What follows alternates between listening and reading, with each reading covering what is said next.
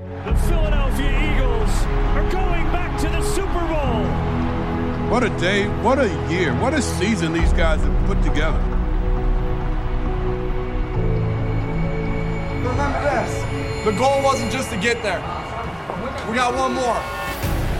What did it take for you to put up that kind of performance here tonight? It took it, it took my teammates. I, I truly believe that, man. Um, just to come out here and battle against a great football team, it took everybody. I told our team in the locker room, it's going to be all of us. So we got to play together, and that's what we did as a full team. And um, how about Harrison Bucker knocking through that field goal, baby? That's what I'm talking about. Man in the shotgun has a protector this time. 43 seconds to go. Scrambles around, throws it back corner of the end zone. Santonio with a touchdown! I don't know how he did it! What a throw, what a catch, what a game!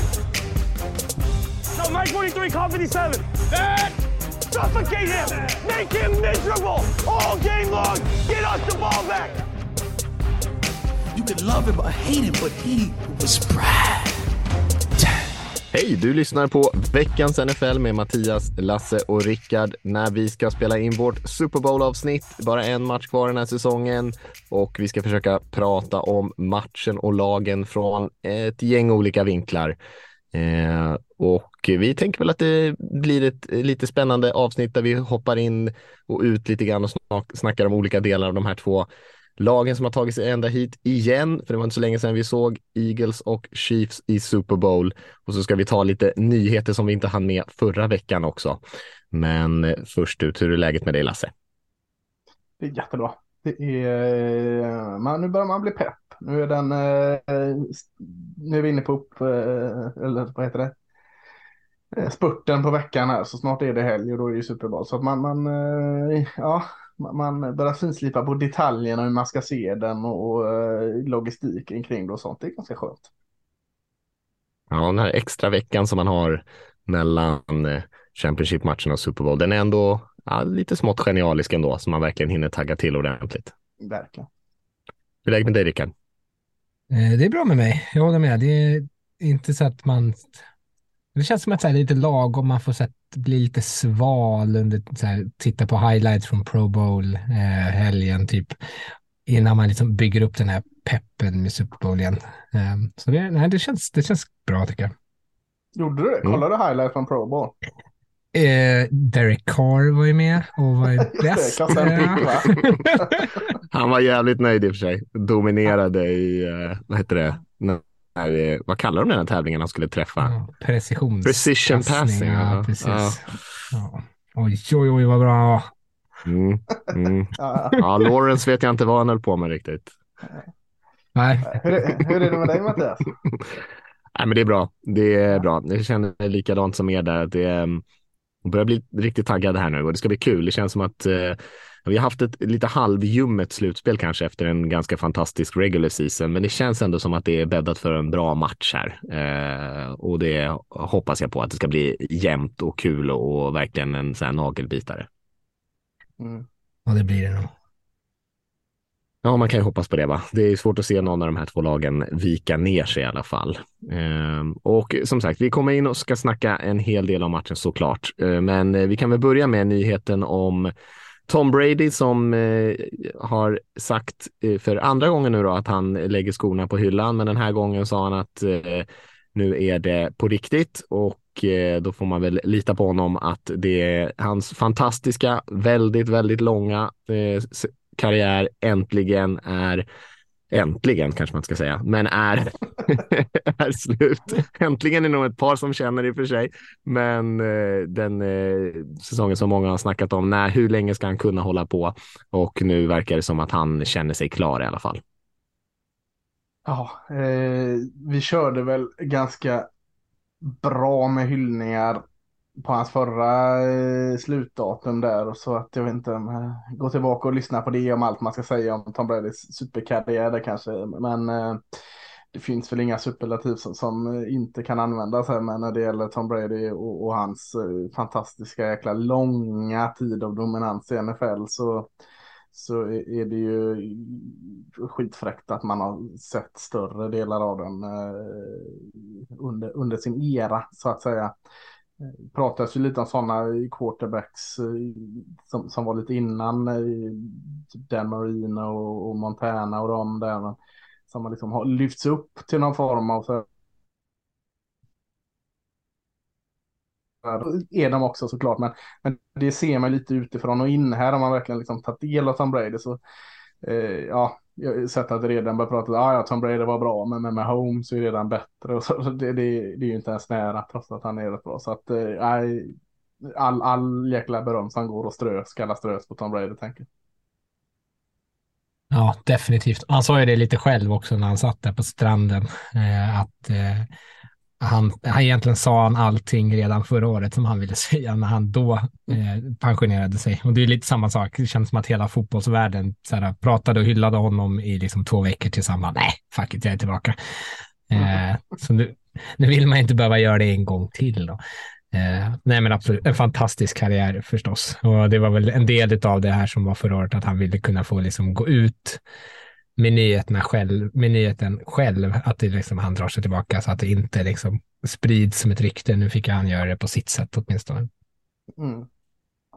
Visst, och eh, det mest fantastiska med hans karriär är väl eh, just framgångarna. Alltså det är klart mm. att det har funnits många begåvade spelare och finns i ligan idag som kanske är i nära Bradys nivå eller kanske till och med lika bra. Men, men just att kunna få ihop så många eh, framgångsrika säsonger, så många Super Bowl, både spelat i Super Bowl, vunnit Super Bowl, gjort, spelat i fantastiskt spännande Super Bowls. Både jag tänker den som Seahawks torskade här på enjardslinjen och han hade ju den här comebacken mot Falcons och otroliga matcher också på något sätt som alltid kommer att leva med i NFL-historien och det jag skrev ju det någonstans på Twitter där och blev lycka om Mahomes och andra spelare också som kanske kan ha chans att upprepa att det troligtvis aldrig kommer komma en spelare som lyckas vinna så här mycket, för det krävs ju ganska mycket och jag hörde också någon annan som pratade om att Tom Brady, hans allra bästa individuella säsonger, kanske är de säsongerna som han inte vann Super Bowl. Så det är mycket som ska klaffa eh, för att man ska kunna ta så där många titlar som han faktiskt har gjort i sin karriär och eh, konsekvent alltid vara med där uppe på något sätt och nu också med olika lag dessutom som kanske verkligen satte pricken över i där på den där getkarriären som han har haft ändå. Mm. Ja. ja, det känns, känns jättelänge sedan man tänker de här fantastiska matcherna mellan Tom Brady och Peyton Manning, liksom Manning i Colts och Brady i, Patriots. Det var ju ett par riktigt goda fighter mellan dem där och eh, det känns enormt länge sedan och, och Peyton Manning är också en av de absolut största genom tiderna såklart. Så bara för att se de bataljerna och sjukt spännande matcher, det, ja, det finns mycket, mycket kul att kolla tillbaka på. Visst, och eh, vi höll ju på att eh, ja, flytta lite gamla filer här från hemsidan och då hittade vi ju eh, bland annat den första avsnittet vi gjorde av den här podcasten för drygt tio år sedan, du och jag Lasse, och, och då sa mm. du att i den podden så pratade vi till och med om Tom Brady och hur många år han hade kvar och att han liksom ändå kunde förlänga sin karriär så pass länge som han gjorde var det kanske ingen som trodde. Aha, det var inte det. Nej, det är sjukt faktiskt. Nej, ja, det är helt, helt galet eh, och det kommer säkert många både dokumentärer och filmer och historier om Bradys karriär framöver här och det får ju liksom ha sin tid på något sätt. Eh, en annan ganska stor profil i NFL, eh, vi nämnde ju det i slutet på förra podden, men då var det inte riktigt helt klart och vi hade inte så himla mycket att säga kanske, men Sean Payton, tränaren som haft stora framgångar med New Orleans Saints, framförallt med Drew Brees. Han kanske tog en, en franchise som var ja, ett av de sämre i ligan under lång, lång tid och vände hela den skutan på något sätt till att bli en eh, väldigt framgångsrik eh, organisation under lång tid och nu har han hamnat i Denver Broncos och det fick de ju hosta upp också ett val i första rundan för till Saints som ägde rättigheterna till Payton. Men eh, vi kanske ska säga några ord om det ändå, för det känns ju på något sätt väldigt spännande. Ja, Rickard, nu kommer han till din eh, division här. Hur känner du? Eh, jag känner mig faktiskt lite orolig. Jag tycker att det är en väldigt bra coach, eh, liksom anställning av Broncos. Och sen har man ju pratat lite om, mm. alltså med Wilson, om han ska liksom kunna vara lite mer Breeze-aktig. Det, det är väl egentligen bara att de är korta båda två som är den självklara liknelsen. För Breeze har alltid varit väldigt duktig på att se och läsa planen och det är väl det som Wilson haft problem med. Men eh, han kommer ju säkert komma nu i liksom ett system som det kanske blir lite lättare att göra den typen av reads på också. Eh, så det är väl, jag tycker också att de, hade, de satte sig med Wilson, både kontraktet och traden, i liksom en situation där de var tvungna att liksom försöka få det att funka. Eh, och Peyton är väl kanske den som har bäst pedigree, eller liksom CV. Att liksom kanske vara den som kan se till att de får ut någonting av Wilson så att det åtminstone ser liksom inte lika smärtsamt ut som det gjorde nu i fjol. Ja, och han, var, han fick ju någon fråga, Sean Payton, där, även om ni såg det, om eh, eh, Russell Wilson har ju haft, det hade förra säsongen i, i Denver, så hade han ju lite egna mm. tränare och sånt där som var inne och jobbade med honom, eh, liksom privata tränare. Eh, och så fick han en fråga om, eh, om han kommer kunna fortsätta ha det och då var, sköt han ju ner det rätt hårt där Peyton att eh, sånt har jag aldrig varit med om och, och det kommer vi inte ha. Så att det, känns ju lite som att det behövdes kanske någon vuxen som klev in där också och ja. satte lite gränser för Wilson. Det var väl det som det pratades om lite grann i Siox på slutet där, att han ville ha väldigt mycket att säga till om och han hade ganska mycket krav och sådär. Eh, och där hade man också en ganska envis huvudtränare som ja, ville göra saker på sitt sätt. Och nu kanske man får in det här i, i Broncos då, någon som ändå kan sätta ner foten och är liksom en, en eh, lika stor stjärna som Wilson själv då. Och eh, ja, kan visa vem som bestämmer helt enkelt. Det kanske är nyttigt. Ja, låter i ja. alla fall uh, som en ändring i alla fall och det är ganska tydligt att det behövdes. Mm. Ja. ja, något nytt behövdes verkligen. Ja, eh, vi får se där helt enkelt. Sean Payton känns spännande och eh, vi pratade lite grann om Senior Bowl förra veckan, Lasse, och det har ju, veckan har ju passerat här nu och eh, mm. matchen har spelats. Eh, jag tänker att du ändå kan få ge oss en liten inblick i vad Senior Bowl gav. Absolut, gav jättemycket kan jag säga. Det var eh, precis så gott som det är varje år och, och eh, jag såg på tok för mycket, antecknade på tok för mycket så att liksom Alltså jag har ju skrivit ut papper i, papper, alltså old school sitter och kladdar på papper. Ja, det var de så är... snyggt alltså. de, men de är hemska just nu. Det är pilar ut där. Jag kan knappt tyda det själv när jag satt skulle liksom. Mad scientist. Vad är det jag sa? Stark mot spring och så står det någonting som jag inte kan läsa och så vet jag inte riktigt vem. När jag drar pilen så ser det ut som det är en fullback som är stark mot spring. Så att, eh, vissa anteckningar får, jag nog eh, stryka här. Men Eh, nej men det var, eh, det är ju fantastisk eh, rolig vecka här eh, och, och kolla när de ställer upp, det pratade vi om förra veckan här. Eh, offensiva linjerna mot defensiva linjerna. Eh, DBs mot receivers och terrends och allt sådant. Och man kommer in på skinnet på dem och, och hittar sina favoriter. Eh, som kanske plockas lite längre ner i draften då, men som man kan sitta och ändå hoppas på förutom de här tunga namnen. Och, och överlag så tycker jag att eh, jag var, är inte lika mycket, men jag har varit lite mer skeptisk till årets upplaga av den offensiva linjen inför draften. Och eh, det motbevisar ju de med, med verkligen under senior bowl. För jag tycker offensiva linjen var det väldigt lätt att plocka fram eh, vinnare. Mm. Eh, då kanske man kan sänka defensiva linjen en aning. Eh, jag gick in och flaggade för att det var jäkligt mycket bra edge rusher som skulle komma till Pro Bowl. Där blev jag nog kanske lite besviken. Men ja, jag har sett inte så mycket minus och spelare. Minus är väl de som, som jag kanske inte har så våldsamt mycket anteckningar på. Men eh, om man ska lyfta den offensiva linjen överlag i stora vinnaren tycker jag i eh, under senior bowl. Och den allra bästa är, i mina anteckningar är John Michael Smith i Minnesota Centern mm. där som som jag hade så här, ja, men han, han är väl så här country strong bra liksom, men ja, han var helt dominant. Eh, det, det, var ingen som hade en chans mot honom och eh, nu, nu har man den här eh, överdrivna tron efter Senior-veckan här, men jag ser han i slutet av första rundan eller plötsligt och det hade jag verkligen inte tankarna. Så han, han var jätte, jättebra eh, hela veckan och även Matthew Bergeron, en kanadensare från Syracuse, en tackle tycker jag var jättefin. Eh, ett gäng, gäng namn där som är bra. Det var, det var en liten snackis här från eh, North Dakota State. Det var den här eh, roliga gubben eller vad man ska kalla det som sprang runt med magen fladdrande och inga tänder och långt svalg, eh, svällande hår, Cody Mouch från, från som också gjorde det bra tycker jag. Eh, så många offensiva linjespelare som var jätte, jättebra. Men, men jag tycker också eh, eh, DBs, alltså både corners och safety sitter ett par som jag också blev väldigt, väldigt eh, glad i. De kanske då vann över receivers, är mina anteckningar. Det är Kaja Blue Kelly, en lite större cornerback från Stanford, såg jättefin ut.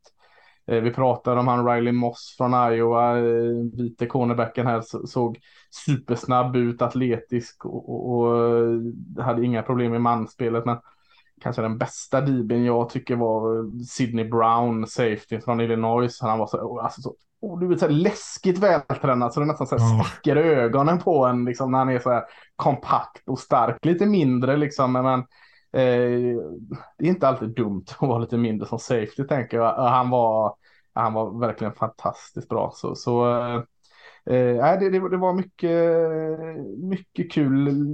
Vi pratade en del om eh, Luke Musgrove, terrenden från Oregon State som man inte har sett så mycket från. Eh, han liksom kryssar i alla liksom de här check, checkade av boxarna. Atletisk, snabb, stor, bra i blockeringsspelet. Så han gjorde också sig fint under den här veckan. Eh, så de många quarterbacks var ju lite mindre hype kring de quarterbacksen som kom till Senior Bowl. Den, den, som kanske kan gå ut med, med liksom huvudet högt är ändå eh, Haney från Fresno State, Fresno State som jag ändå pratat om lite innan. Tyckte han såg helt okej okay ut under veckan och eh, på matchen var han väl kanske den bästa offensiva spelaren. Han, han eh, såg säker och trygg ut. Det var ingen sån här wow-faktor, men, men eh, han såg bra ut alla QBs bekräftade väl vad man trodde om dem. Jake ja. Hayner var bäst, men han är inte bättre, var inte bättre än vad man tänkte sig att en backup ska vara. Så det är ingen som spelades upp liksom i tidiga rundor. Eh, Nej, precis. Nej, det var, det var nog ett gäng offensiva linjespelare och, eh, som spelade upp sig. Och, eh, det är en ohyggligt djup eh, DB-klass, framförallt cornerback-klass i år. Så att mm. Eh, eh, jag kan tänka mig att lag kanske väntar nästan med att ta corner eh, topp 10, topp 15 för att de vet att det finns så jäkla mycket jämnbra kvalitet. Jag kan tänka mig att halva jäkla runda två kommer bestå av cornerbacks eh, egentligen. Eh, jag hade 10-12 på min lista nu, jag som uppe på 20 här som jag vill placera in i, i topp 2-rundorna så att det börjar bli trångt. Ja, spännande. Men det är också en position som är jäkligt het just nu i dagens NFL. Det är många lag som spelar med många, många corners på planen, så att man behöver kanske fler också än vad man någonsin har gjort. Mm, verkligen. Nej, men, men det, det, var roligt, men, men uh, offensiva linjen, uh, offensiva linjespelarna, stora utropstecknet bakom om, om jag ska sätta någon rubrik på synnivå. Mm. Och vi kommer ju som vanligt spela in lite draftavsnitt och sånt där senare efter eh, Super Bowl och när vi närmar oss draften. Så att eh, då kommer vi få höra mer om alla de här eh, college-spelarna som är på väg in i ligan. Och man kan ju också säga om Senior Bowl, är, förutom att det är mycket snack om spännande unga prospects och sånt där inför draften så är det ju också en vecka då det är mycket sportchefer, mycket annat eh, folk med mycket makt i lagen på plats och det snackas mycket och eh, tar, tas någon bärs här och där och snackas lite eh, trades och, och fikas lite och sånt där. Så att det mycket av de sakerna som vi sen ser landa, det är ju, börjar ju ofta med någon typ av samtal face to face på den här senior bowl-veckan.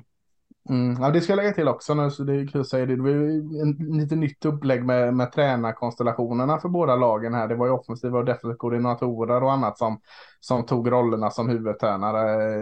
Jag vet Rickard att er defensiva koordinator var huvudtränare för ena och nu tappar jag namnet på vad offensiva koordinatorn i Bears heter. Getsi va?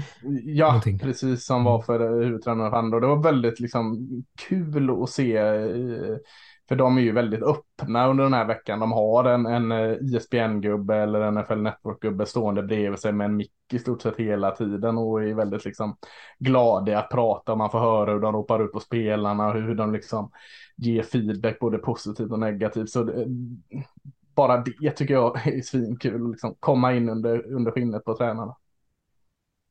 Visst, visst, håller med. Eh, om vi ska försöka glida över lite till Super Bowl då. Eh, så eh, kan man väl ändå säga som vi sa i början där att det är ju två lag som har eh, varit väldigt bra de senaste åren. Eh, Eagles lite mer upp och ner, Chiefs kanske lite mer jämnbra. Eh, det var inte så länge sedan något av de här två lagen vann Super Bowl faktiskt, men det betyder inte att det är riktigt samma lag den här gången som det var senast de var i den här stora matchen. Men Rickard, du hade hittat något ganska intressant eh, om eh, hur lika de här två lagen ändå varit den här säsongen. Ja, och jag har ju snott det här från Twitter av Phil Yates, men, men det här är min egna forskning. Nej, men båda, vi sa ju det förra veckan att så här, det går inte att säga att inget lag är förtjänt, alltså, oförtjänt att vara här och det, båda lagen är ju liksom nummer ett sid i vardera konferens. De har exakt samma record. De har också gjort exakt lika mycket poäng totalt i anfallet.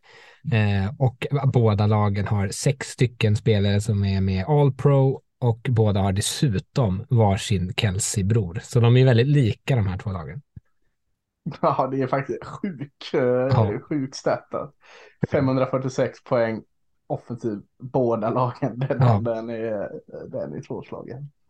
Eh, ja, ja, lite orolig till bädd. Alltså, nu, nu bygger man upp här och vi kommer väl göra det genom de här podcasten. Hur jämn och bra den här superbollen blir. Vi får det är lite oro som alltid eh, smyger på min pessimistiska sida här. Eh, att det kommer bli värsta ensidiga ja, att det kommer en jävla blowout här nu bara för att man är mm. så jäkla laddad för att det ska bli så här igen. Så att, eh, ja fan, ta ett trä och allt sånt. Ja visst, och sen kan man väl också säga, och kul med den här matchen också, att det är inte så mycket skador i något av de här lagen. Särskilt Eagles kanske står ut där som jag tror inte att de har en enda starter skadad och de har ju haft ganska mycket tur med skadorna sett över hela säsongen. Chiefs har ju haft det lite värre och Mahomes haltar omkring lite grann, men de flesta spelarna ska ändå komma till spel här. Ehm, så att vi, det är ju inte så att vi saknar några av de stora stjärnorna egentligen i den här matchen heller. Och det är ju också eh, rätt kul. Den enda tror jag på Chiefs som är eh, lite tveksam är väl eh, Nicole Hardman tror jag, men i övrigt så är det väldigt få starters skadade inför Super Bowl här.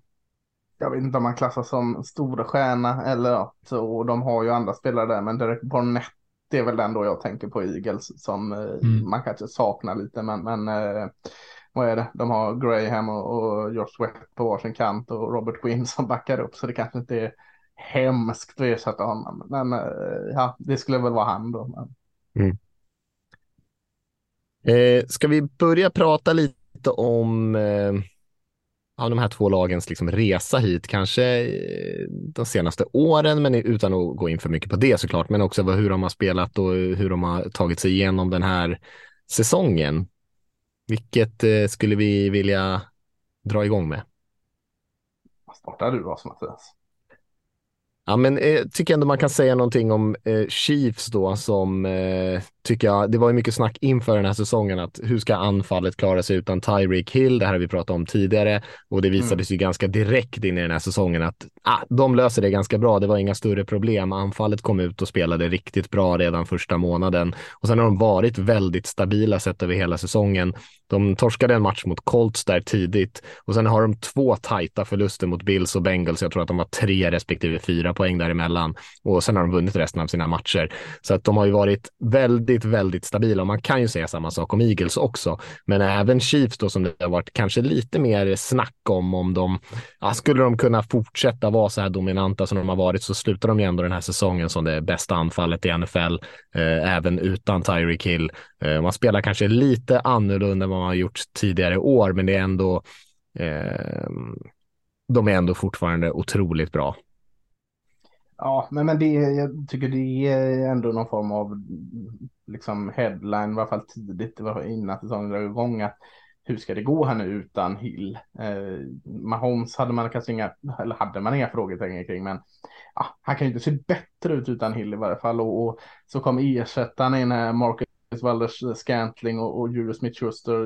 Okej okay, spelare, men det kändes lite ändå som man ersatte kvalitet med kanske lite mer kvantitet. Så att det var ju ett frågetecken, men, men eh, ja, som du säger, offensiven har ju fortsatt dominera här och eh, vad är det, tredje superbollen på fyra år. Man har vunnit AFC Väst sju år i rad så att eh, och, och, vad är det man avslutade med tio vinster och sina elva senaste där. Så att det är ju radar upp utropstecken här. Men jag tänker det är lite kul ändå att se den här tidiga resan tycker jag med Chiefs i år. Här att man gick ut och vann väldigt enkelt mot Cardinals. Cardinals som man inte visste om man hade första veckan där. Eh, Eh, då var Hill helt bortglömd liksom. Det är inga problem. De är bättre utan honom. Sen åkte man på den här snöpliga förlusten bara, jag tror det var vecka tre mot Colts.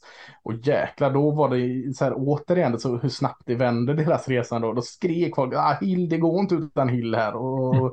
sen åkte man på en förlust, jag tror det var vecka 16, den där mot Bills. Då pratar man, ah, nu är den här dominansen över för Chiefs. Nu är det Bills är AFC-laget liksom eh, på alla släppar och kanske inte var lika eh, tydligt då när de förlorade mot Bengals att ja, nu är Bengals laget. Men det har ändå varit så här. Man har ändå letat lite anledningar till att Chiefs inte ska vara så här dominanta längre.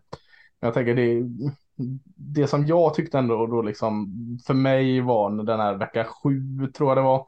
När, när man gick och, och krossade 49ers. Det var väl det som startade den här eh, eh, 10 av 11 segrar, man vann med 44-23 även när 49ers var bra där. Och, och eh, liksom efter det har det ju inte varit några frågetecken. Så att det var ändå lite kul resan i år att fram till alltså nästan halva säsongen så var det ändå lite upp och ner. I alla fall snacket kring Chiefs.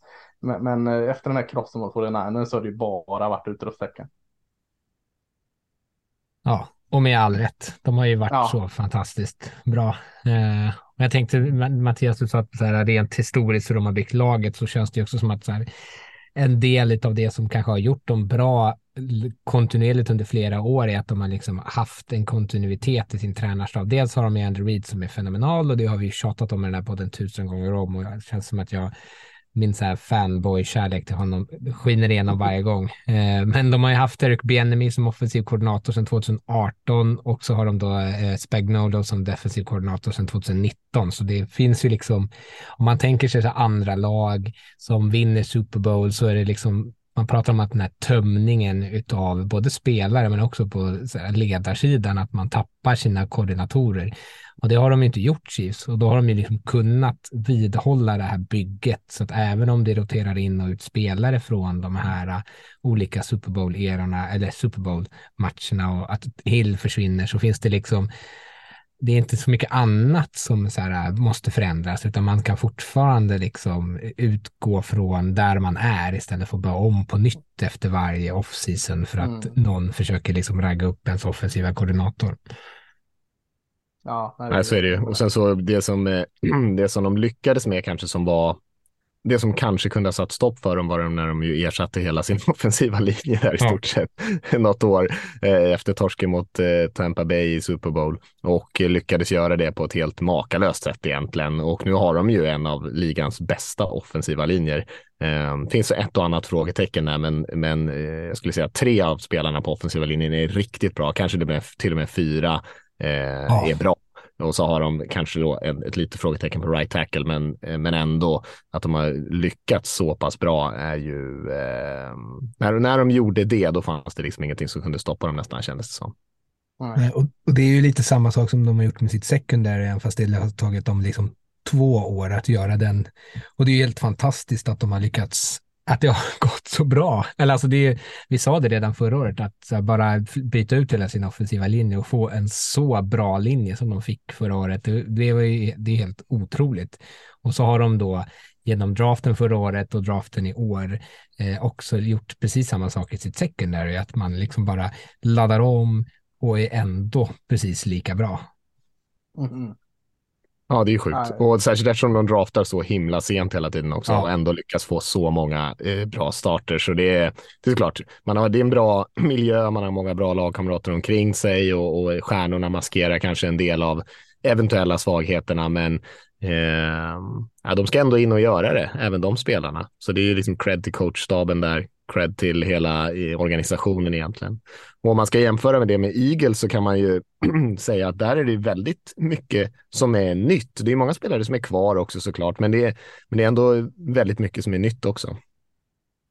Ja, men Eagles har väl gjort eh, kanske inte helt motsatt, men eh, tänk det laget som vann Super Bowl eh, förra gången här eh, med Doug Peterson.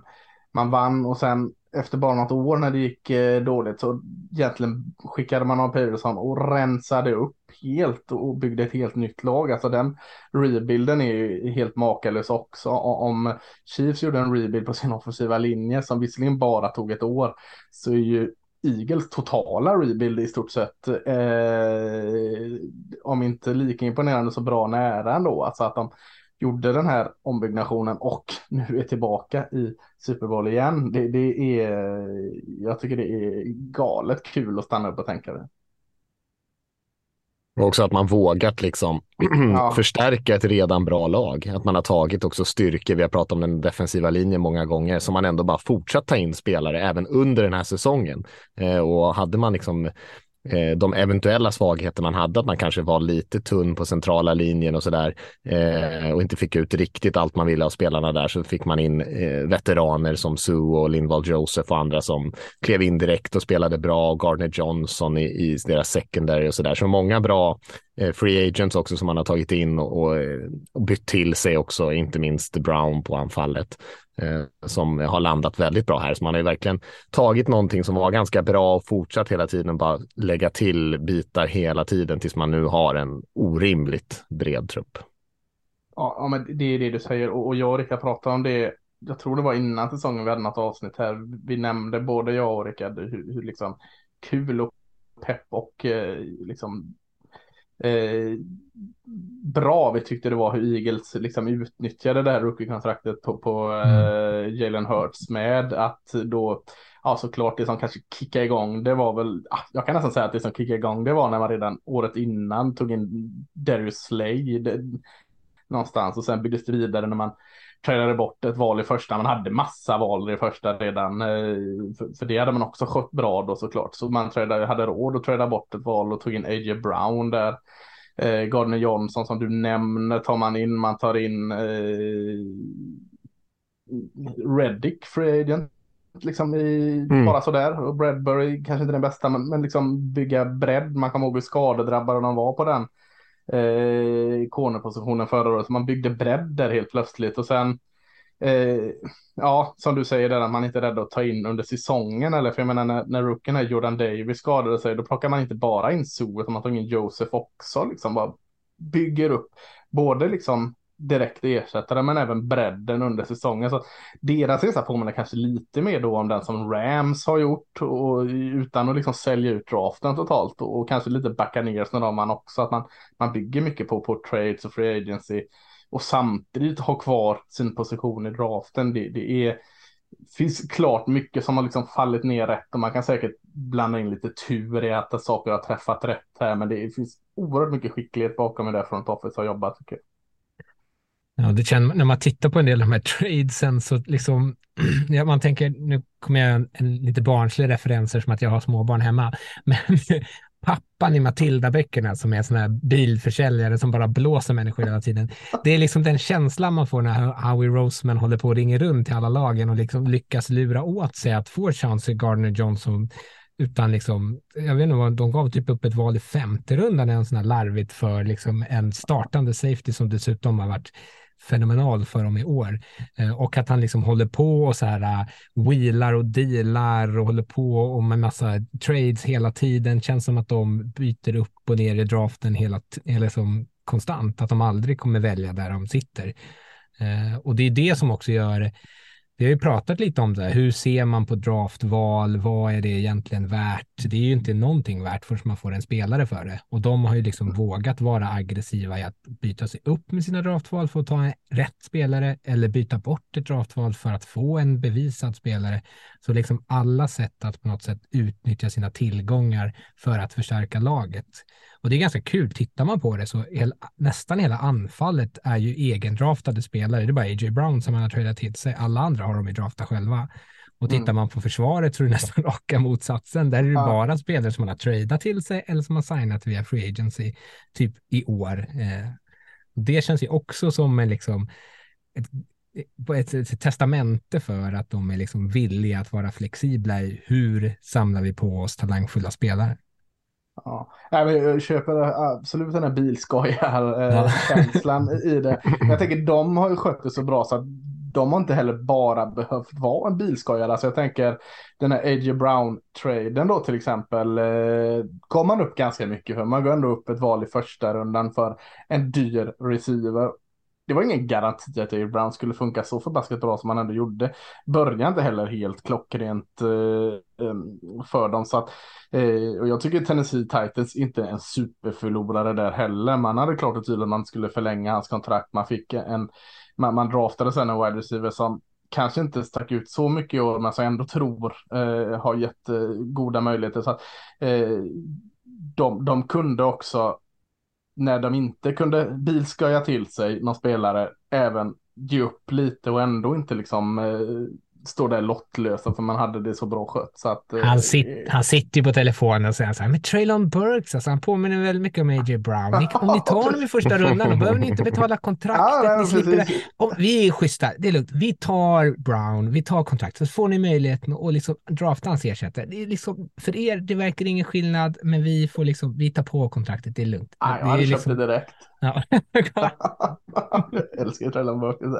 Ja, det är Uh, nej, oerhört intressant. Uh, och, och uh, jag tänkte också, jag kollade också lite så här, försökte kolla matcherna genom resan hit där och pratades ju en del så här efter den här sjunde kuben var inne och spelade i 49ers här om hur jäkla lätt resa Eagles har haft den här superbollen och ska man gå på alla de här statistiska mätningarna och sånt så har de ju haft ett svårare eh, schema än vad Chiefs har haft eh, liksom från match 1 till Super Bowl här. Så att, eh, sen får man lägga hur mycket man vill i det där. Men, men tänk också att man kanske lätt att falla in i det här att man tycker att de har haft ett lätt schema dit för att de, de bara brr, gick upp och var 8-0 helt plötsligt. Och, och, och då satt man ändå lite med någon form av underskattning. Ja, ja, förlusterna kommer snart. Ja, ja visst, de går väl till slut på, på, med tio vinster och sånt. Så att man, man liksom, på ett sätt kanske man tänkte att de började 8-0. Det gjorde de ju inte. De kämpade sig dit till de 8-0 och gjorde det jäkligt bra. Eh, jag tänker också han Shane, vet han, Shane Stetchen, eh, offensiva koordinatorn och Hurts där hur de liksom har klickat med sin vad ska man kalla det, run pass option eller read option eller vad man kallar det, hur liksom det klickade och fick igång det och eh, liksom, det är inte bara, bara flax att de gick 8-0. All, all satt in. Jag tänker om man, om man tar ut några matcher så, som, som på vägen här bara stryker under hur jäkla fint det var. Och vecka tre där mot Washington som inte var så jäkla dålig och Washington. Eh, säckar man sin gamla QB som vänt nio gånger liksom. Eh, prata om det här försvaret. Hassan Reddick hur bra han är. Vecka åtta det var väl den, den vinsten mot Steelers sen när eh, Jalen Hurts och AJ Brown verkligen fann varandra. Eh, passade tre touchdown, eh, passade Hurts till Brown där och, och eh, samma försvaret sackar Pickett sex gånger liksom och, och, och eh, sista matchen jag tror det är vecka 12 mot Packers när både Jalen Hurts och, och Sanders springer för över 100 yards. Så liksom, det är ganska lätt att plocka ut eh, matcher och säga att ah, ja, men de, de var, Steelers var dåliga, Packers var dåliga, Washington var dåliga. Jaha, fast Eagles var ju också jävligt bra och vann på många mm. olika sätt de här matcherna. Så att, eh, jag, är sjukt imponerad, jag är nog mer faktiskt imponerad av deras resa till Super Bowl än vad jag är av Chiefs resa. Mm, nej, men jag håller med i allt ni säger och jag tror att det är just det där att våga vara aktiva och hela tiden fylla på är ju det som kanske har satt dem i den här situationen och alla sådana här trades och sånt behöver heller inte lyckas liksom, utan det viktigaste är nog att man hela tiden försöker fylla på och bli bättre. Och det är intressant att du pratar om sax där, Lasse, också tycker jag, för dem.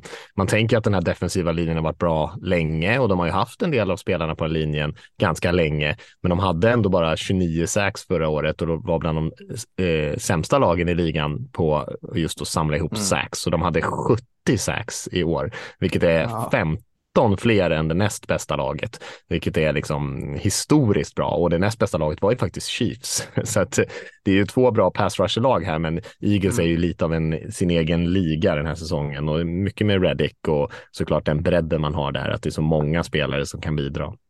Mm, verkligen. Om vi ska prata lite grann om de här lagen då och eh, deras styrkor och svagheter. Det är ju kanske inte, båda de här lagen har ju fler styrkor än svagheter, så kan man väl i alla fall säga. Ja, definitivt. Och eh, om vi ska börja lite grann med Eagles då, kan jag kicka igång oss lite grann. Vi pratat om det tidigare, vi behöver inte tjata ihjäl oss, men det är ju linjerna. Både offensiva och defensiva linjerna är ju riktigt, riktigt bra i Eagles. Eh, det här springspelet som man har med Hurts som ett extra vapen där. Bredden pratar vi i den här truppen. Eh, hela passförsvaret egentligen. Och pass rushen inte minst som är liksom motorn i det kanske. Eh, skulle jag väl säga är deras starkaste, eh, eller alla deras eh, eh, mest tydliga styrkor. Och när man snackar om svagheter i Eagles, ja, det är ju nästan omöjligt att hitta någonting. Det är klart, eh, mot eh, mot spring så hade de det lite struligt där någonstans i mitten på säsongen. Vi hade ju Jordan Davis där som kanske inte riktigt kom in exakt som han ville och sen så fick han lite skadeproblem. Men med de här förstärkningarna som tagit in så har det ändå sett bättre ut så att man har väldigt, väldigt få, få svagheter i Eagles. Så jag skulle inte kunna säga någon som de är, något som de är riktigt dåliga på ens. Nej, eller dåliga, eller jag vet kanske inte om det är en svaghet, men om man, man ställer upp en grej mot en grej som Chiefs har så kan man då kanske, i varje fall jag, nu är det kanske dumt att säga när han har fått coach of the year här, men jag säger inte att de har dåliga coacher, det, det är absolut inte, men rutinen av, av eh, coacherna, där har man väl inte riktigt uh, fullt ut än. Eh, de har inte varit på den här stora scenen innan. Behöver nödvändigtvis inte vara en svaghet, men jag tänkte just att det är en enorm styrka för Chiefs, så då kan jag liksom enkelt, mest för att jag letar svagheter, drar över det att eh, rutin kring det här, eh, när all, alla brickar är på en, kanske inte finns på samma sätt som ni gör hos Chiefs i alla fall. Han är ju så mycket slå sig själv på bröstet, Sirianni, i och för sig, vilket oh. både du och jag kanske tycker det är lite eh, in your face it. Men det, att han, han kanske inte förstår att han eh, liksom inte har rutinen. jag, jag tänker att han kanske har egot, eller i alla fall så ger han intrycket av att han har ett så stort ego att han liksom han känner att han är, är född för att vara på den platsen. Att han ja. kanske inte liksom förstår att han inte eh, borde kanske vara så självsäker och cool när liksom han står och tittar på Andrew Reid och, och Mahomes på andra sidan.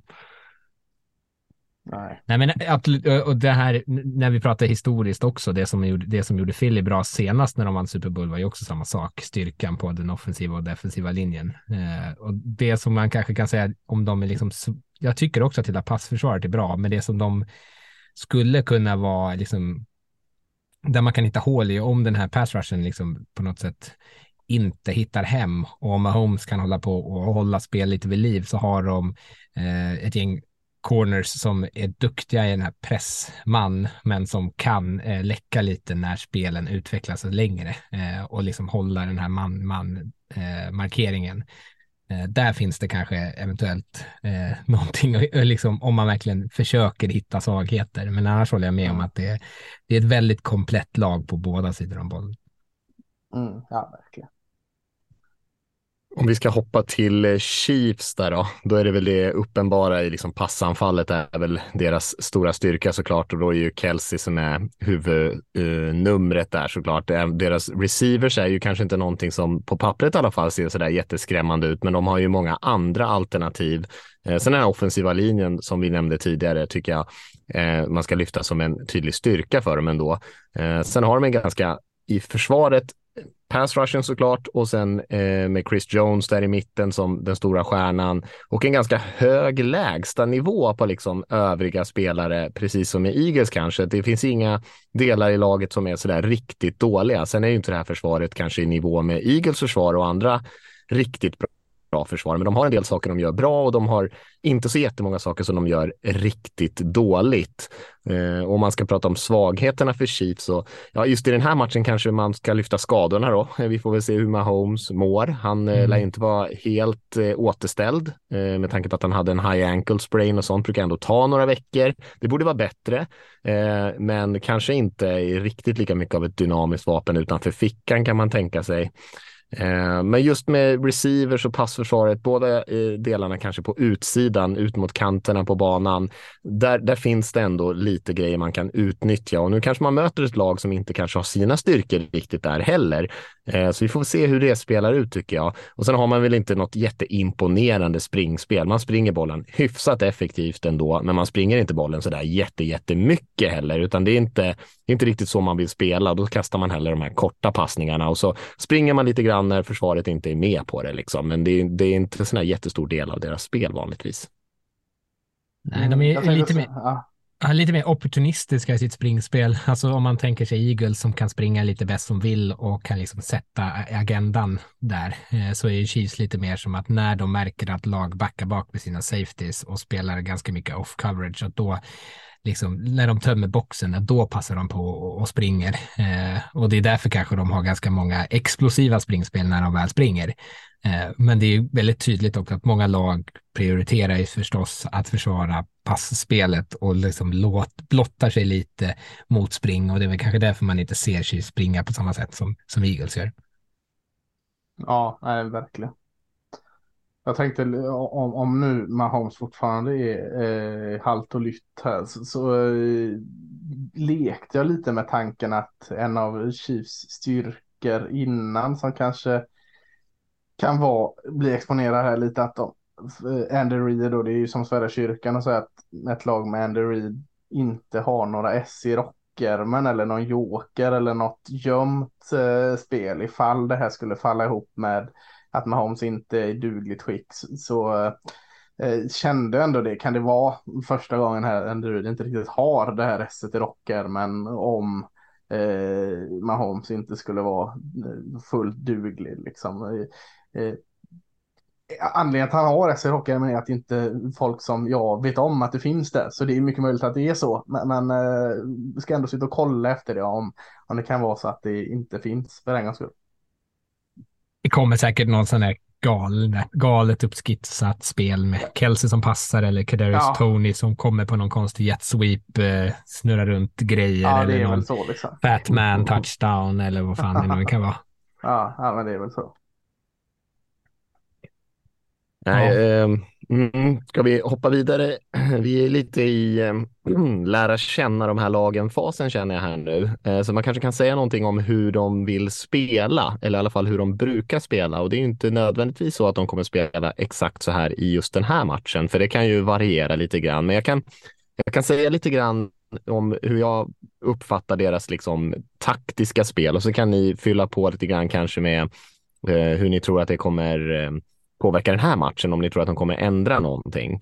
Och just i, i, om vi börjar med Eagles då, jag tror att deras anfall är ju som Lasse var inne på där, det är mycket av den här run pass option spelen eh, som också skapar en del luckor för dem i springspelet eh, och med Hurts där så blir det ju som en extra extra dimension som är väldigt svår att försvara mot eh, och eh, försöker ju isolera spelare då så att man hittar eh, rätt matchups oavsett om det är spring eller pass genom att göra dem lite förvirrade och få dem att kanske tveka lite på de här RPO-spelen.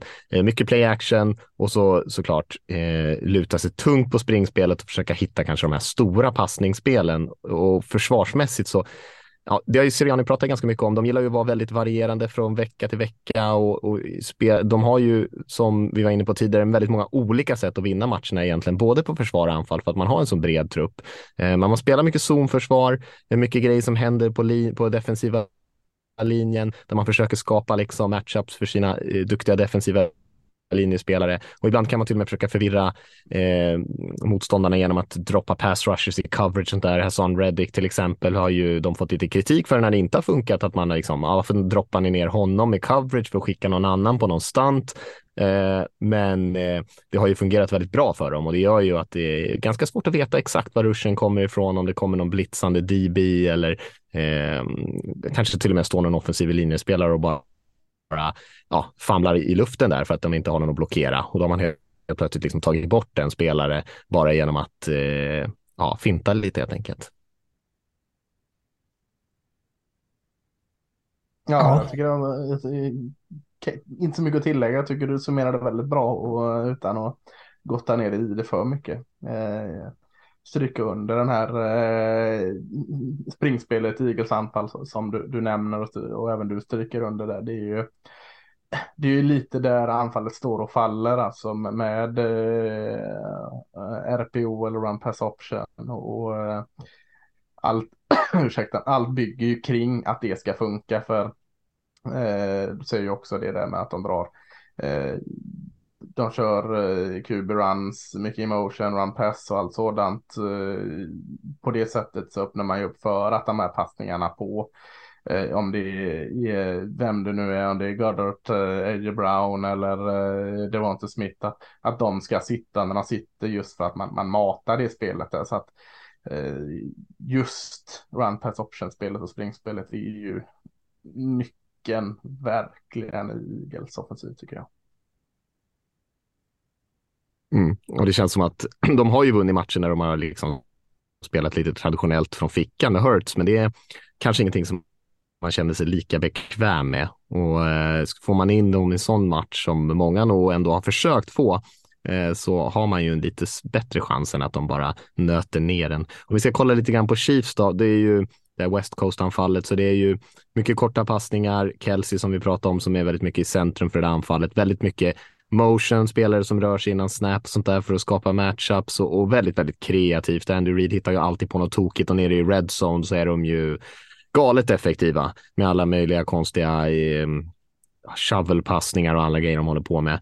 Och på försvarssidan, där tycker jag ändå Spagnolo ska ha lite cred och det får han ju ofta. Jag tycker att han ofta lyfts fram på, på sändningarna och sånt där av experterna för att han ändå gör mycket av relativt lite ändå. De är ju väldigt flexibla där också. Spelar i den här wide nine positionen där de ställer liksom ganska mycket utrymme mellan spelarna på den defensiva linjen och sina pass rushers liksom långt utanför sina offensiva linjespelare och, och det är ju ett sätt att dra isär linjen liksom och få en mot en. Eh, och sen så spelar spelar man ju ganska safe annars. Mycket too high, mycket safe, två safeties djupt, mycket DBs inne på tredje down, inte så mycket för att komma ner och stärka boxen mot springspelet och man spelar ju mest eh, högsta andel sådana här eh, press, eh, alltså deras corner upp och pressar för receivers mest i hela NFL. Um, och kanske däremot ger upp lite mer space i mitten av banan, men man litar ju på att ens pass rush ska komma fram och att ens corners kanske inte ska behöva hålla så himla länge och man spelar väldigt, väldigt aggressivt egentligen över hela banan. Ja, han lägger ju sjukt mycket liksom press, och press på corner som ska spela i press. Det blir ju konstigt. Men, men eh, imponerad alltså. Vi har pratat om det, de här eh, hur de laddade om sina eh, cornerbacks. Och att det är jäkligt mycket press på de här eh, McDuffie och allt vad de heter och, och spela den här stilen. Och jäkligt imponerad av hur de gör det faktiskt. Ja, och, och, försvaret är ju, de spelar ju, det är det som gör Chiefs, tycker jag, som ett så imponerande lagbygge, att, det, att de verkligen kom, kan komplettera varandra. De vet att de har ett anfall som alltid är väldigt effektivt, så att man vågar spela på det här sättet i försvaret mm. och man gör det egentligen hela tiden oavsett matchsituationer, att man inte blir konservativa i det. Eh, och sen att de är som, eh, jag tror att det var, ja, det var Romo, ja det var det, Tony Romo som kommenterade förra matchen och, och poängterade någonting som också liksom kännetecknar Spagnolos försvar är att han har alltid, det här du pratar om S i rockärmen, och så blir det har ju han i försvaret också, alltid en massa så här spel som de har skissat upp för så här specifika så här nyckelsituationer där de känner att så här, men det här är det här är en, ett jätteviktigt spel, den här third downen precis vid den här tidpunkten, det här är viktigt. Så nu har vi liksom det här spelet som vi gör som vi vet kommer liksom omkullkasta dem och liksom ta dem, överraska dem. Eh, och det känns som att också är del av det här försvaret, att det är även om de kanske, man ändå kan liksom hitta tendenser, så är de väldigt, väldigt svårberäkneliga i sådana där nyckelmoment. Mm. Mm, och här är ju lite av en risk för dem att de spelar så aggressivt att om mm. linjen Eagles kan hålla upp mot pass rushen så är ju deras eh, corners som du var inne på där Lasse ganska eh, utsatta på kanterna. Och dessutom då att det kanske finns lite lucka över mitten och så där så att eh, man hänger ju rätt mycket på det. Och sen behöver man kanske inte komma fram varje gång eftersom man har Mahomes på andra sidan. Så att eh, det kanske räcker med ett, få, ett fåtal vältajmade stora spel. Eh, så, eh, så kan man ändå så räcker det liksom. Och därför har man väl kanske ett eh, försvar som är rankat någonstans i, i mitten av ligan. Men mm. på, eh, på andra liksom, statistiska kategorier som Sax till exempel som vi pratade om som lätt kan vända matcher eller ge tillbaka bollen till sitt anfall. Där är man fortfarande väldigt bra. Men så ger man upp en del yards också. Eh, så att eh, det blir en utmaning för dem här tror jag för Chiefs försvar att dels eh, vara tillräckligt eh, fysiska, att man lyckas stoppa springspelet och sen också nå fram med sin rush här mot, mot en, ett väldigt bra Eagles eh, anfall mot en bra linje.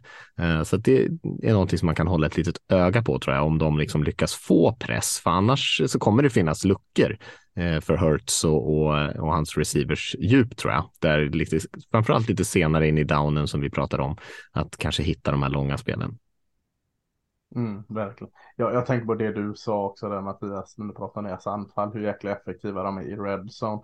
Och, och det, jag vet inte om det är en underskattad egenskap, men, men det, det borde verkligen pratas om, om mer hur jäkla skönt det måste vara att ha den effektiviteten man har i Redson när, när Andy Reeds och Mahomes och eh, Bellamys kreativitet flödade liksom.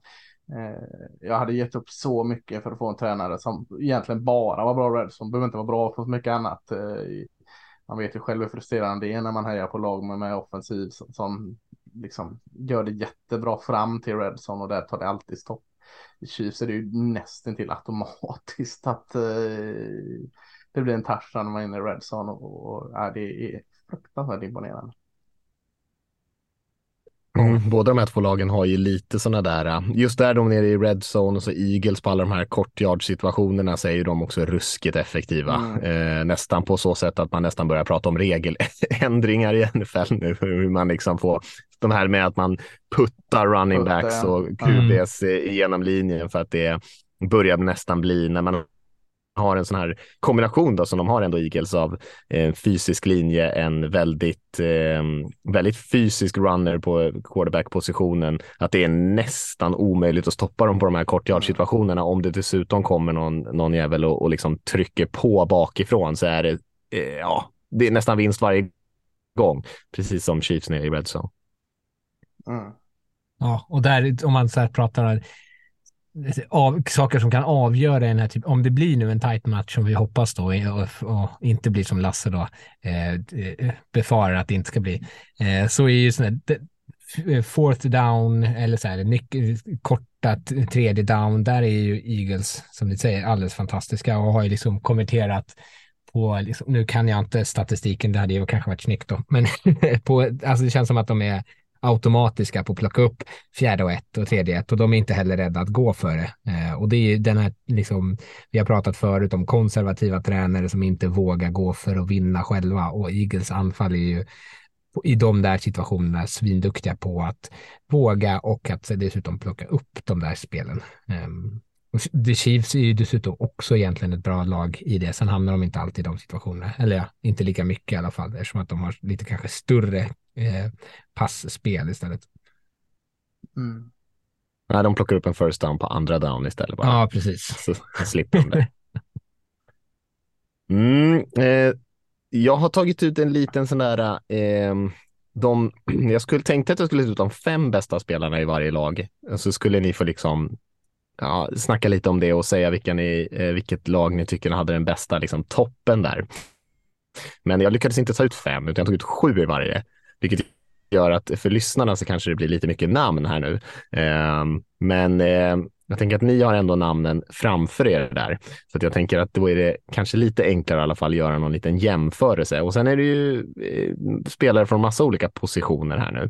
Eh, så att det, det, man får hålla tungan rätt i mun här. Men eh, de sju spelarna som jag valde ut som de största stjärnorna i Eagles i alla fall, det var ju, eh, om vi börjar på anfallet så är det ju Jalen Hurts tog jag med, quarterbacken ändå. Eh, och sen tog jag med även Jordan Mailata som spelade left tackle för dem och eh, även Jason Kelsey då, centern. Och sen A.J. Brown, receivern. Och på försvarssidan så blev det tre stycken defensiva linjespelare där i Fletcher Cox, Hassan Reddick och Brandon Graham. Eh, så det var de sju som jag tycker i alla fall är de bästa spelarna som Eagles har. Och det kan man ju såklart ha synpunkter på. Det får ni gärna ha också om ni har någon annan som ni tycker inte fick åka med där. Och så på Chiefs-sidan då så gör vi samma sak där och börjar på anfallet då så har vi såklart Patrick Mahomes och Travis Kelce såklart eh, tight-enden där. Och sen så har vi tagit med tre spelare på deras offensiva linje och eh, då är det Orlando Brown Jr. Då, som spelade left tackle för dem eh, och sen Garden Joe Tooney som de värvade för inte för länge sen, inte så länge sedan och sen även Creed Humphrey då, deras väldigt, väldigt duktiga center som de har draftat. Och så tog han med två spelare på deras försvar och då blev det Chris Jones, defensiva linjespelaren som eh, ja, eh, går väl inte att säga tillräckligt med superlativ om mm. honom. Och sen eh, tog jag faktiskt med Algerius Sneed också, deras kanske bästa corner. Eh, så det var de liksom sju från varje lag. Så lämnar jag bara ordet fritt här till er. Ja, jag hade tagit med Trey Smith istället för uh, jag vet inte vad. Jag älskar ju Trey Smith, garden här i. Men det är mm. kanske, kanske magstarkt att han är fyra offensiva linjespelare och, en, och ändå tycker att Eagles offensiva linje är stråt vassare. Det blir ju konstigt men i, ja, det är väl en lyx att kunna välja bland, bland, bland det. Uh, Ja, i, alltså i Kelsey Mahomes och, och Jones är ju för mig svårt att inte liksom få min röst. Eh, Eh, ser ju såklart storheterna i många av igelspelarna du nämner eh, där också, men, men just den trion, eh, ja, jag, jag, jag eh, kan aldrig rösta bort den. Nej, jag skulle hålla med om, alltså bästa kuben i Mahomes, bästa eh, defensiva linjespelaren är ändå Chris Jones, tycker jag. Och bästa passningsmottagaren är Travis Kelce, all ära till AJ Brown. Eh, mm. jag, jag har också svårt att säga att eh, Eagles, i alla fall topp, är bättre. Eh, sen är, är bredden i truppen förstås bättre.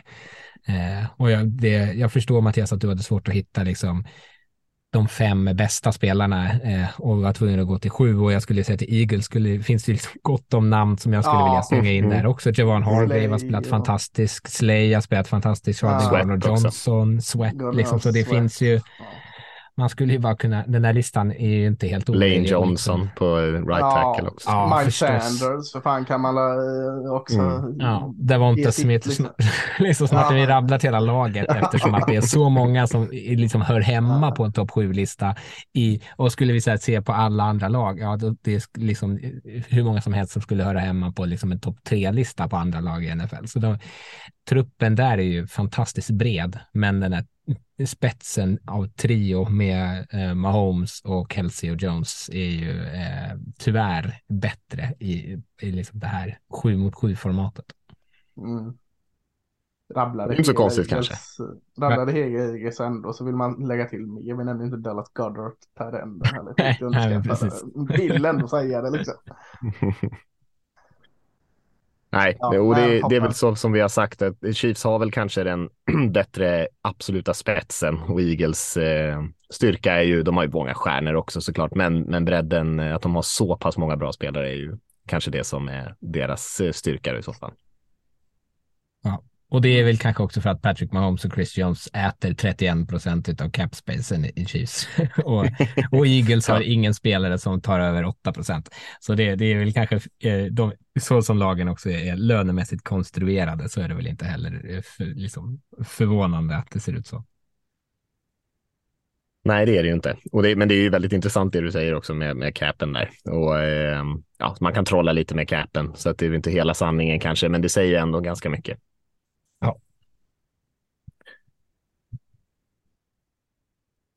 Vad tycker ni att vi ska gå vidare med nästa? Ska vi prata lite ehm, Ska vi prata lite individuella matchups kanske som skulle kunna bli intressanta i den här matchen?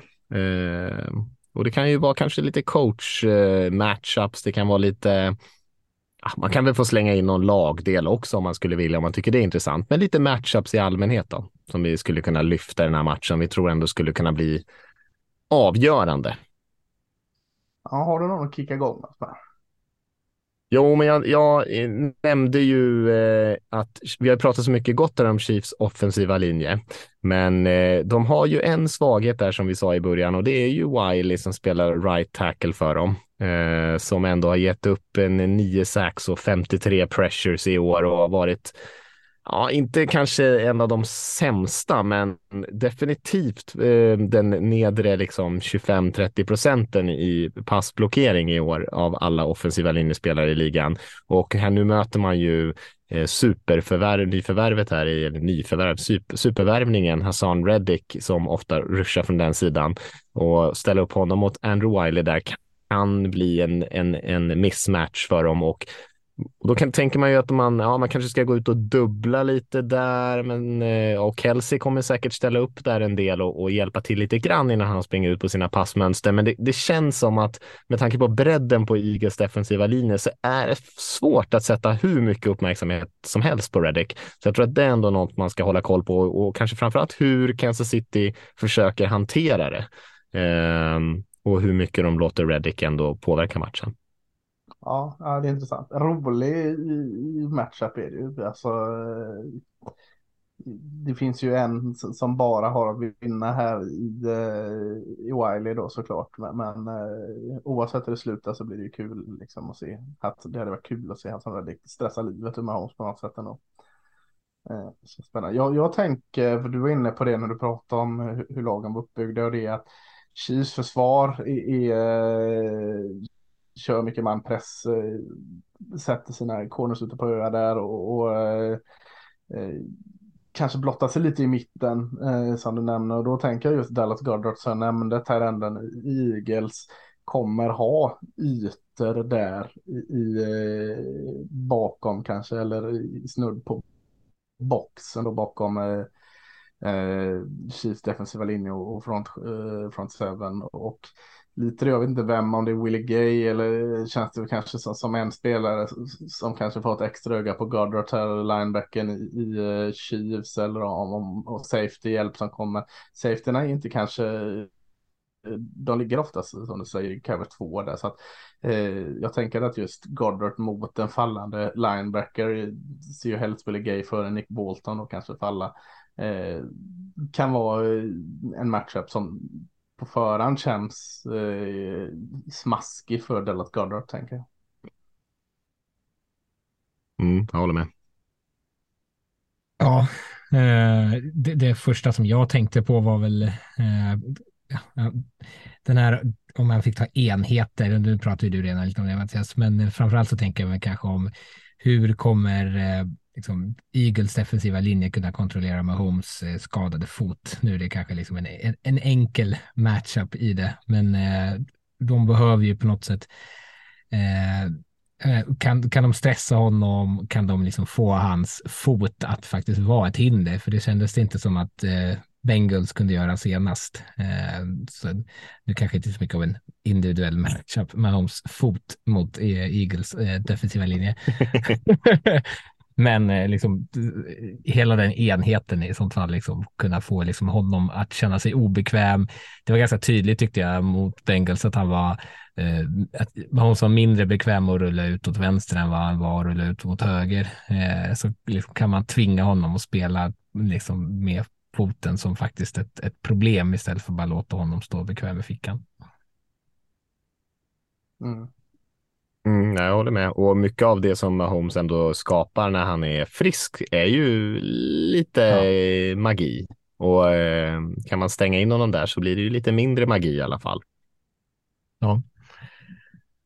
Kan, man kan ju ta upp de här stora, vi har ju nämnt några av de giganterna i mitten här, men Chris Jones mot Jason Kelsey. Centern är ju såklart en eh, två riktiga stjärnor. Nu flyttar man ju runt Jones rätt mycket, så det kommer inte bara bli Kelsey som kommer få hantera honom.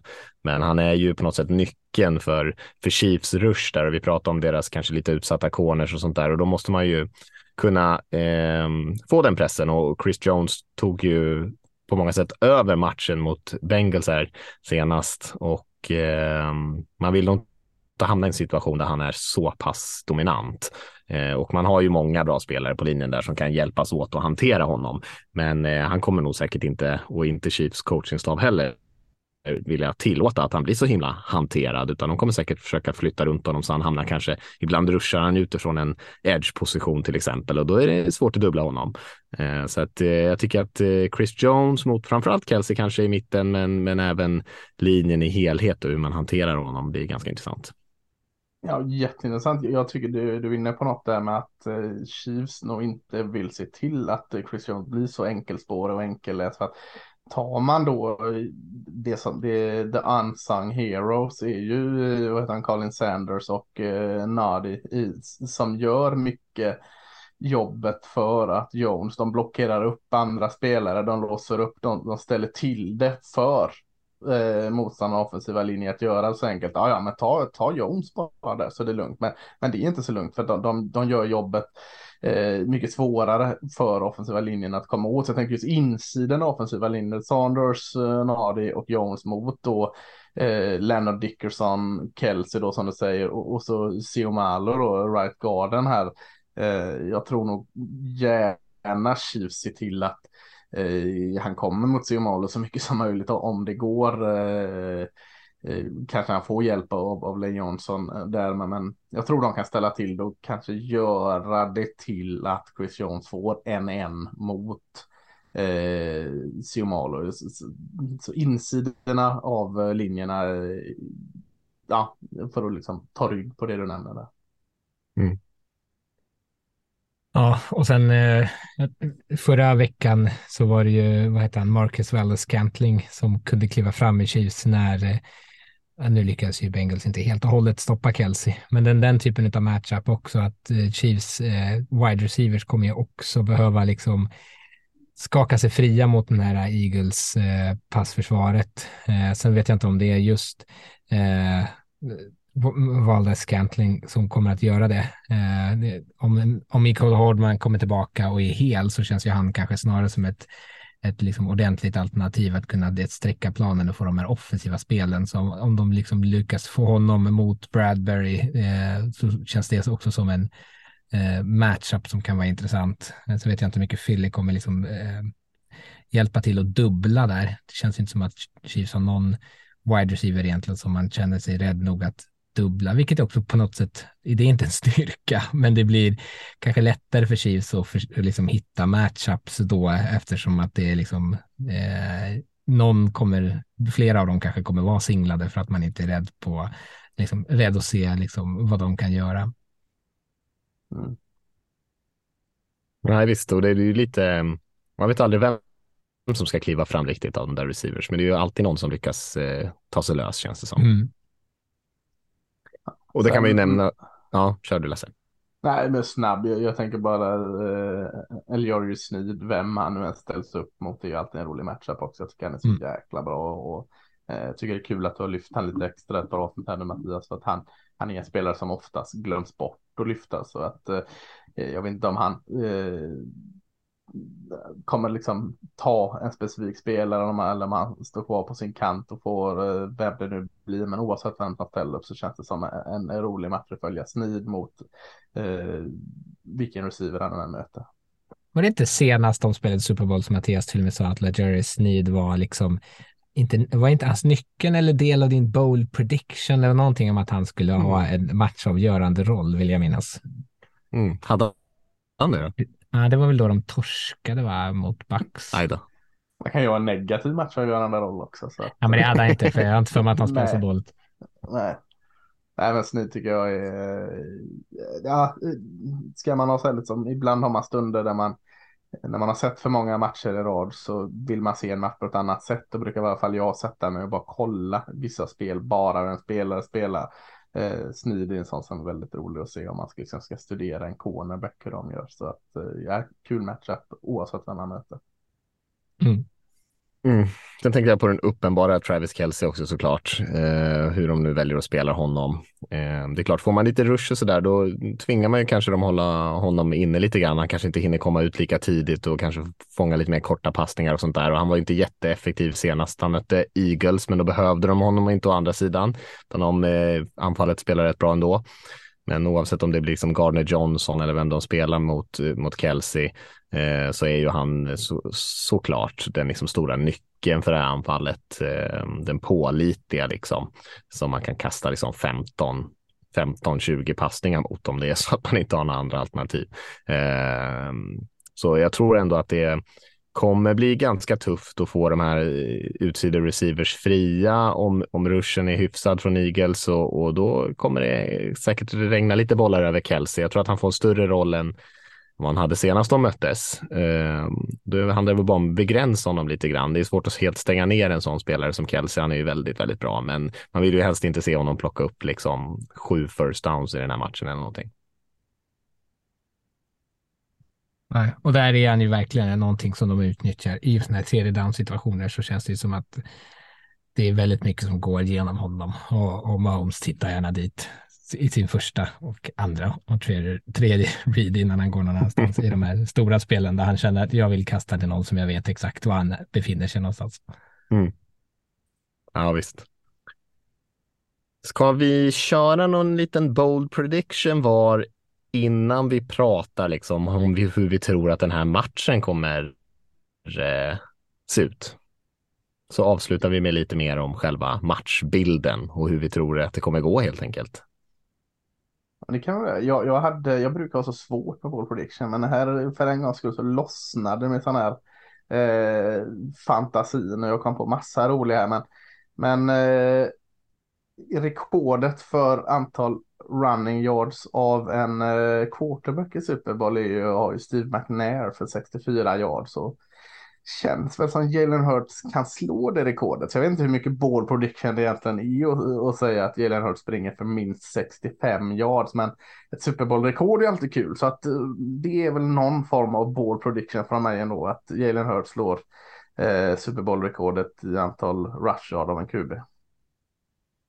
Slå rekord är alltid bold. Ja, det där tycker jag är en bold prediction och det är 65 ja. yards, det är ändå en del. Det är inte ja. kattpiss. Nej, men det, det, får, det får bli med. Jag var lite sugen så här.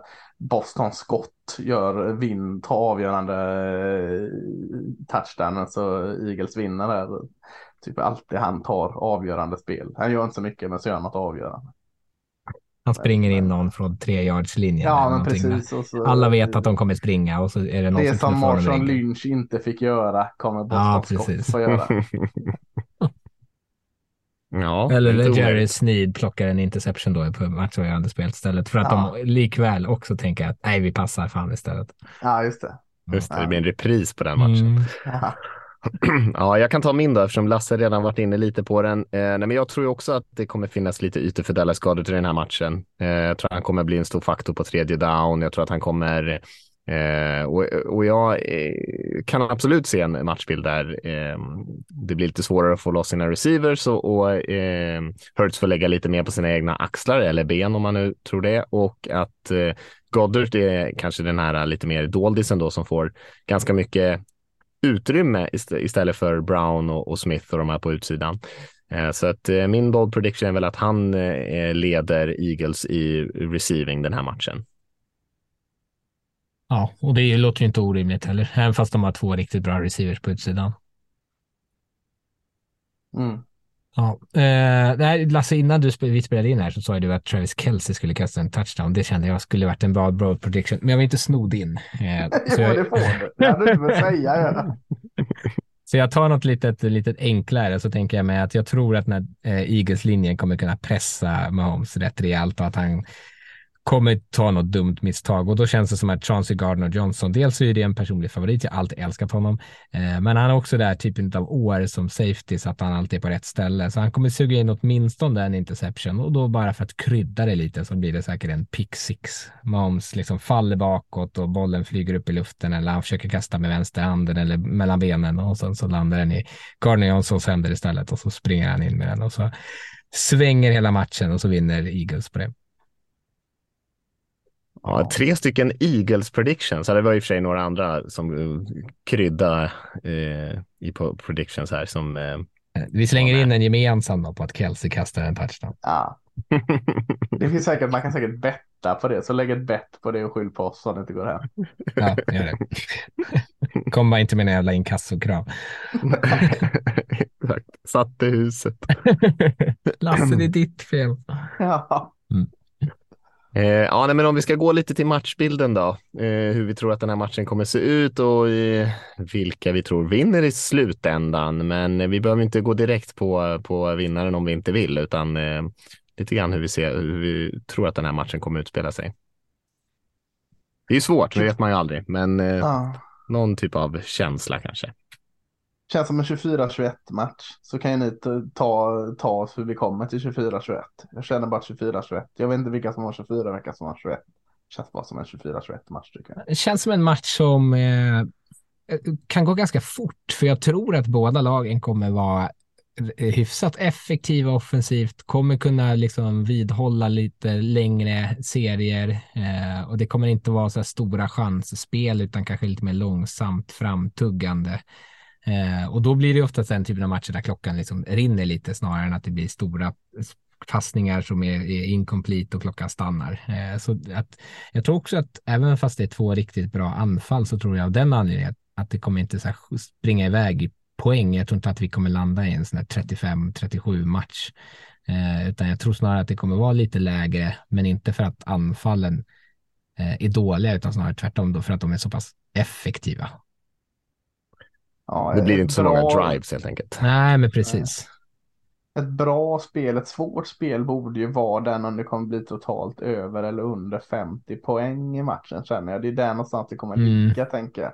Nu sa 24-21, du kan lägga på eh, en touchdown var på lagen där så hamnar det plötsligt över 50 poäng. Men ligger någonstans runt där så det borde väl vara ett, ett eh, populärt spel att slänga ut för spelbolagen då liksom kring 50 poäng och, och jag tror också det du säger där att den kommer rinna på matchen där.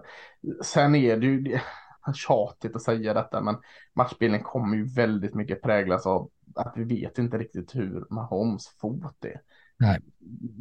Det är jätte, eller jättetråkigt, men det är lite tråkigt att om det ska få en sån eh, tydlig bild av matchen som nu gick de ändå vann den matchen mot Bengals där, men och så illa lär den ju inte vara fortfarande, men så att inte det ska bli så här att de får hela tiden försöka ta sig ur situationer Chiefs för, på grund av Mahomes fot. Eh, så jag hoppas verkligen att foten är så bra så att inte det blir någon sån här liksom röd tråd i matchen. Nej, det får man verkligen hoppas att han ändå eh ja, han kanske inte har 100 procent av sin rörlighet, men att det ändå inte blir så mycket så att det påverkar att de inte kan liksom spela sitt vanliga spel så att säga. Nej. Och han borde ju vara liksom så pass återställd att eh, han borde ändå kunna komma, kunna komma ut här och ha bra förutsättningar att göra en bra match. Jag, jag, jag håller med er det ni säger där. Jag tror också att det blir lite mer tuggande anfallsspel. Det är ju båda de här två lagen spelar ju lite så nu. Det är klart att båda är aggressiva och det kommer säkert finnas någon möjlighet på de här långa spelen, men samtidigt linjerna är bra, de pressar, man kanske inte vill ta den risken riktigt och riskera och ja, kanske få någon spelare, sin QB skadad eller att det blir någon stor sack fumble eller något sånt där, utan att det eh, man kanske tar det lite ja, ritar upp lite spel där man får ut bollen snabbt ur händerna eller man har en Hurt som springer lite själv på lite run pass option spel och sådana här grejer. Sen eh, så vill säkert Chiefs få igång lite spring med Pacheco och sånt där. Jag tror inte det kommer bli jättelätt för dem. Lyckas de med det och få till några liksom hyfsat eh, bra eh, halvlånga springspel, då är det en stor fjäder i hatten för dem. Men jag tror ändå att det kommer bli lite motigt eh, och att man kommer flytta bollen med de här korta passningarna som man har gjort, de här screenpassningarna och försöka ändå vara effektiv på det sättet och samma sak på andra sidan att man lutar sig ganska mycket mot spring eh, och kanske de här korta passningarna till tight endsen. Um, ehm, och sen i slutändan så tror jag ändå att eh, Eagles är det starkare laget. Jag tycker att det känns eh, jämnt. Det är två riktigt bra lag där vi pratar om. De är väldigt lika på många sätt. Eh, men att det här lagbygget som man har i Eagles ändå blir eh, avgörande faktorn att man är lite mer fysisk och att det blir den typen av match där man ändå kan eh, hålla Mahomes och deras anfall hyfsat i schack så att man inte åker på de här stora bomberna i alla fall eh, och sen flytta bollen på det liksom köttiga sätt som man har gjort hela säsongen egentligen. Och, eh, Ja, det är nog den matchbilden jag ser framför mig. Jag ser heller inte någon sån här jätte, jättemycket poäng. Jag ser inte att något lag drar ifrån heller framför mig direkt, utan att det kommer vara ganska jämnt och ganska tungrott till och från och, och gå lite halv långsamt ner för planen, men att det ändå blir eh, man är, man är hyfsat effektiv. Det blir inte jättemycket misstag tror jag heller och att det, att det blir eh, halv mycket poäng. En jämn match, men att Eagles tar det i slutändan. Det tror jag. Ja, och det håller jag med om. Jag var tvungen att kolla nu Lasse, bara för att du sa det här med poängen var över under på, på spelbolagen utan att ge gratis reklam till något eh, bolag. Då får ja. de betala oss massa pengar. Men eh, så ligger över under på 51 poäng i matchen och Eagles ja. är favoriter med 1,5. Eh, så det, det, säger dels att matchen är jävligt jämn, men också att så här, spelbolagen tror kanske som oss att det kommer vara lite mer tillknäppt än vad man tänker sig när det är så här två två, två så pass bra anfall just eftersom att de kanske är mer effektiva i, den här gången. Ja, jag, jag, tror på, jag tror på Chiefs. Jag tror de, de tar det. Jag har svårt att motivera när det är så här igen. Men jag tror på eh, Mahomes, jag tror på Mahomes fot. Eh, och eh, det finns inget tak på honom. Så att eh, därför tippar jag på, på Chiefs och Mahomes. Känns ju som att det är så svårt att se ett scenario där Mahomes inte skulle ta ifatt ifall de låg under, eh, bara för att man har sånt förtroende för honom. Men eh, jag tror nog ändå på en Eagles vinst. Jag tror att den här defensiva linjen och eh, jag tror att den kommer vara ma helt matchavgörande och framför allt om det blir en situation då där Chiefs måste liksom pressa fram i anfallet och gå på pass. Eh, och det är uppenbart att de gör det, att de kommer kunna liksom få tryck plockar man bort Kelsey så har man liksom en, en ganska favorabel matchup. Um, och sen så är det väl, jag, jag kan inte ljuga, jag, jag tippar ju också med hjärtat, jag vill ju verkligen inte att Chiefs vinner. Det gör jag. Det gör, ja. man, det gör ni båda tänkte jag säga. verkligen så. Ja, nej men eh, kul. Ja, men det, det, känns ju som, ja det är väldigt ovisst såklart. Men det, Eagles har heller inte varit sådär pressade i jättemånga matcher. De har ju vunnit i utklassningsstil mm. många gånger och inte minst där i slutspelet har de ju eh, vunnit väldigt bekvämt i sina två slutspelsmatcher. Eh, så att är det en sån här tight match, då är det kanske ett annat typ av Eagles vi får se. Då eh, kanske det är en situation som de inte är riktigt lika bekväma i där Chiefs å andra sidan många gånger har visat att eh, nästintill ostoppbara nästan oavsett hur mycket tid eller hur lite tid det är kvar på klockan. Ehm, eh, men jag tror ändå att eh, vi kanske inte riktigt kommer in i en sån situation där, det, där, man, där liksom Eagles driver för vinst i slutet på matchen, utan um, och att liksom allt ligger på Hurts axlar sådär. Ja, jag, jag, tror inte att vi hamnar i den situationen, för den skulle man kanske inte känna sig lika trygg i som med, med, med Holmes på andra sidan. Uh, jag tror att de kommer ha lite mer kontroll, även fast det är jämnt. Mm. Ja. Mm. ja. Har vi tömt oss? Är det typ allt? så.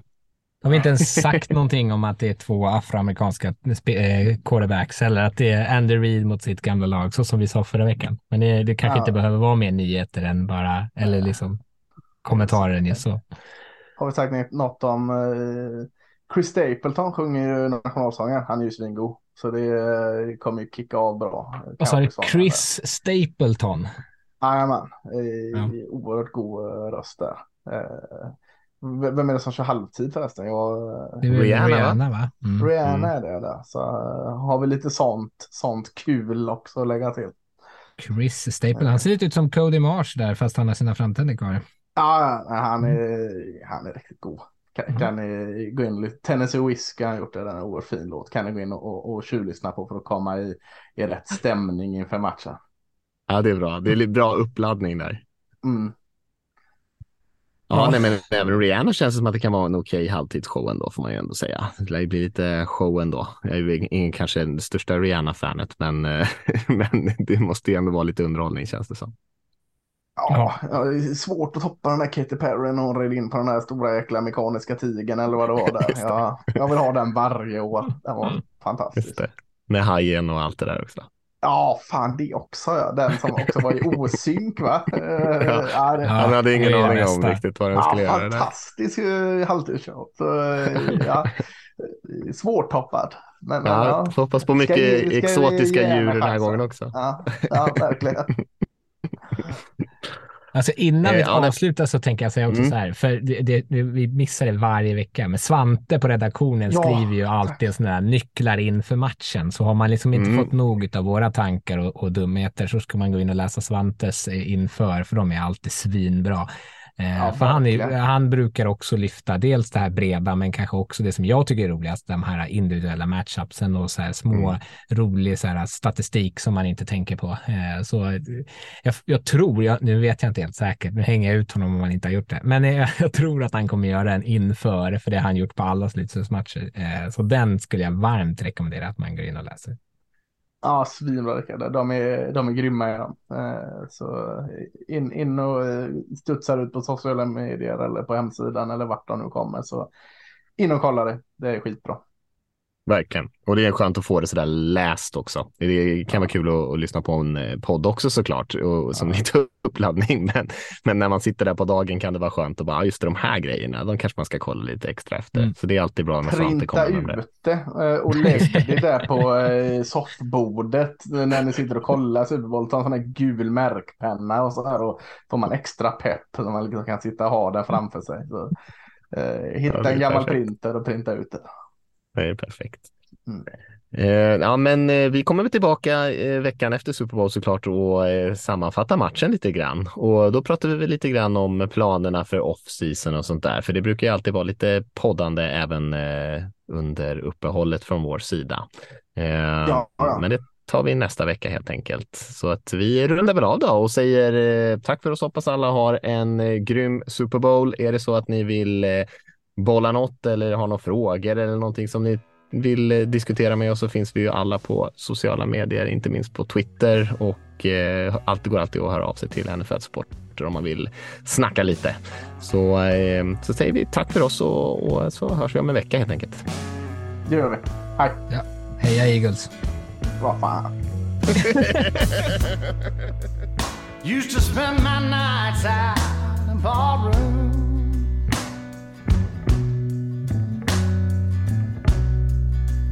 Was the only love I'd known.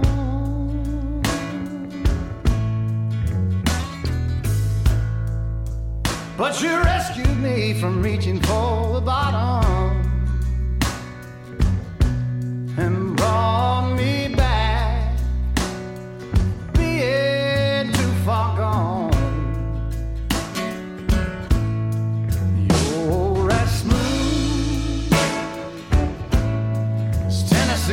Tennessee